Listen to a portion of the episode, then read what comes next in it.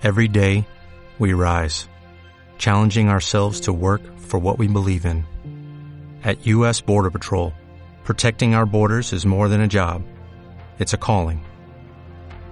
Agents answer the call, working together to keep our country and communities safe. If you're ready for a new mission, join U.S. Border Patrol and go beyond. Learn more at cbp.gov/careers.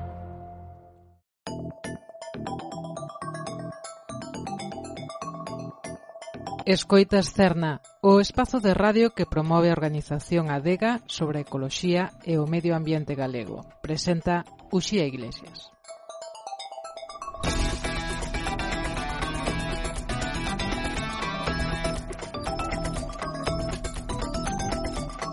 Benvidas unha semana máis a este espazo de Radio Cerna. Comezámolo coa que é a noticia da semana. A central térmica das Pontes deixa de queimar carbón tras case medio século de vida. Un símbolo industrial apágase e con el cesa tamén unha das maiores fábricas de cambio climático de Europa É a fin dunha era. Música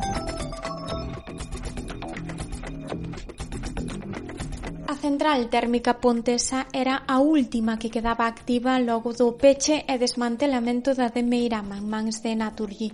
Durante anos esta fábrica ergueuse como a máis contaminante de todo o Estado e unha das que máis contribuiu ao aquecemento global en Europa. As exixencias de descarbonización, pero tamén a menor rendibilidade económica da queima do carbón, o abaratamento do prezo do gas, a maior produción de enerxías renovables ou o alto prezo dos dereitos de emisión emisión de dióxido de carbono están detrás desta decisión. Unha vez apagada a caldeira, a planta entrará nunha fase de transición cara a unha situación segura con traballos de baleirado, limpezas e desconexións eléctricas. O desmantelamento, explican desa, servirá de ponte para a instalación de futuros proxectos de renovables na zona. A compañía prevé a instalación de parques eólicos que suman un total de 1.600 megawatts de renovables.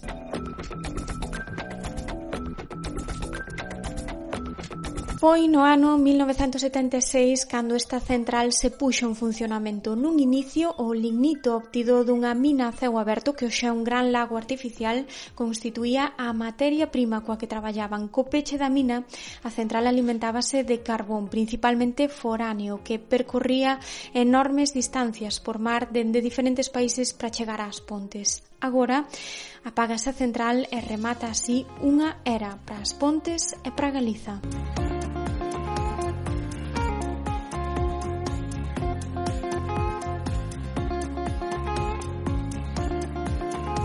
Seguimos, a Xunta de Galiza e a Cámara Oficial Mineira de Galiza crean unha oficina de captación de fondos europeos para impulsar proxectos mineiros no país. Segundo a Xunta, esta oficina nace coa fan de ser unha ferramenta práctica para unir innovación e industria mineira que di debe estar aliñada coas necesidades do tecido industrial galego. Desta maneira, o goberno galego pula de novo polo modelo extractivo e coloca ya a minería o adxectivo de sustentable para a Xunta esta actividade é totalmente compatible co territorio e co medio rural.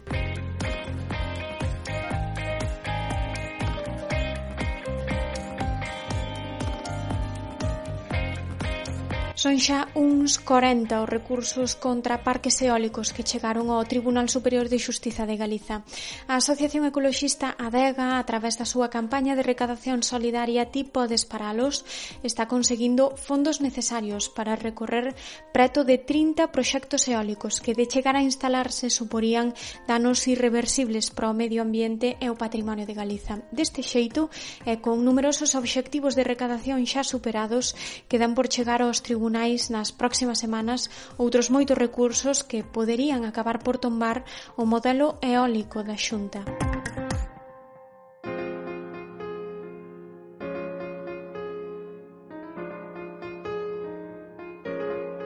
En nesta liña a Adega lanzou esta mesma semana un novo desafío para procurar recorrer o proxecto eólico Estivada, que prevé instalar Green Capital Power en Antas de Ulla e Agolada. Este polígono conformado por oito aeroxeradores de 200 metros de altura situaríase cerca da Serra do Careón, espazo da Rede Natura.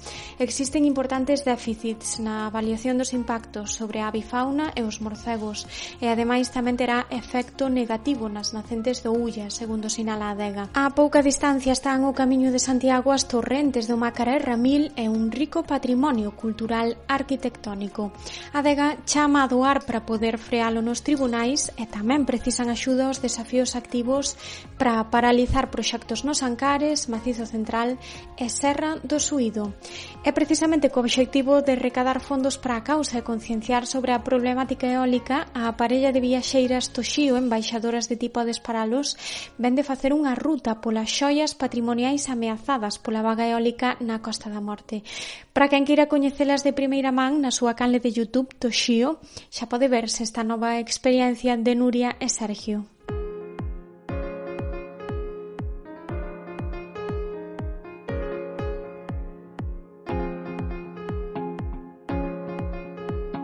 Cambiamos agora de tema. O 78% de Galiza respirou aire contaminado por ozono ao longo deste ano.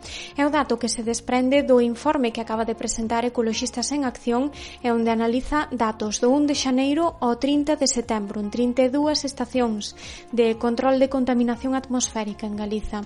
Isto a pesar de reducirse as superacións da marca recomendada pola Organización Mundial da Saúde nun 40% respecto da media do período 2000 2012-2019.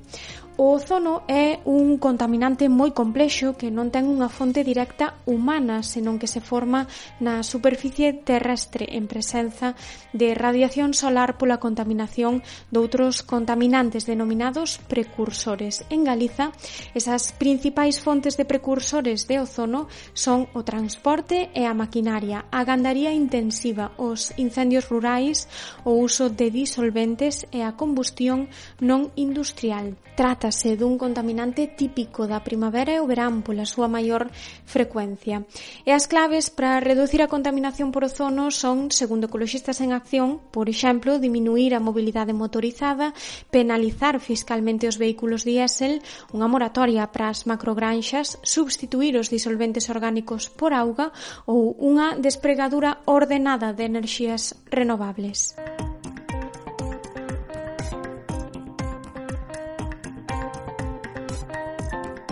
Esta é a primeira semana na que está en vigor a Lei de Benestar Animal en todo o Estado español. Se ben supón un gran progreso para os animais domésticos, fora quedaron outros moitos aspectos considerados cruciais polos colectivos en defensa dos animais.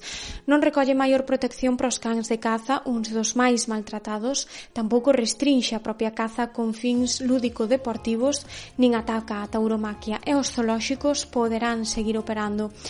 É o resultado dunha lei na que había postas moitas expectativas, pero que co paso do tempo quedou, segundo o movimento ecoloxista en defensa dos animais, nunha lei para mascotas. Entre o que si se aplica, atópase a prohibición de sacrificar animais abandonados, mercar mascotas en tendas ou en internet, participar en pelexas de cans ou deixalos atados na rúa ou sen vixilancia durante máis de 24 horas.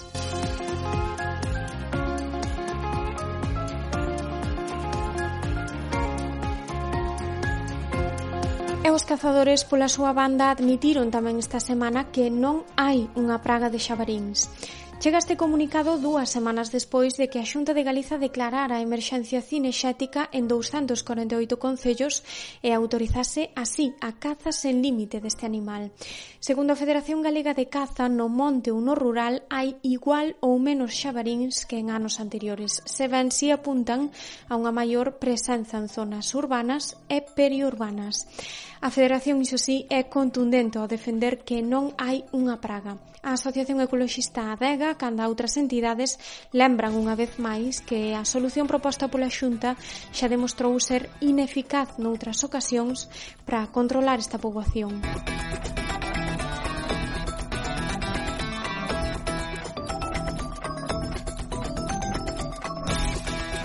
Rematamos este boletín coas actividades pros vindeiros días. Este mesmo vendres e sábado 6 e 7 de outubro terá lugar a limpeza simultánea de praias en máis de 40 areais galegos, coordinada por ADEGA.